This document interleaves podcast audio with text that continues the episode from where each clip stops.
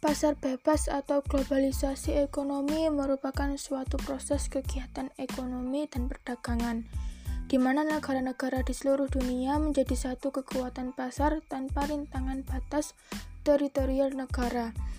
Produk barang dan jasa akan bebas mengalir dari satu tempat ke tempat lain sesuai dengan mekanisme pasar.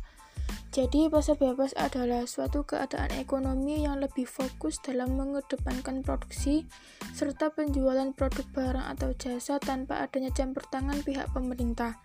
Pasar bebas bisa dilakukan di kehidupan sehari-hari seperti penjualan kain batik yang berasal dari Indonesia, khususnya di daerah Jawa. Kain batik pun tidak hanya populer, populer di dalam negeri saja, tapi juga sampai luar negeri. Hal ini bisa berdampak positif untuk membuka peluang ekonomi di Indonesia.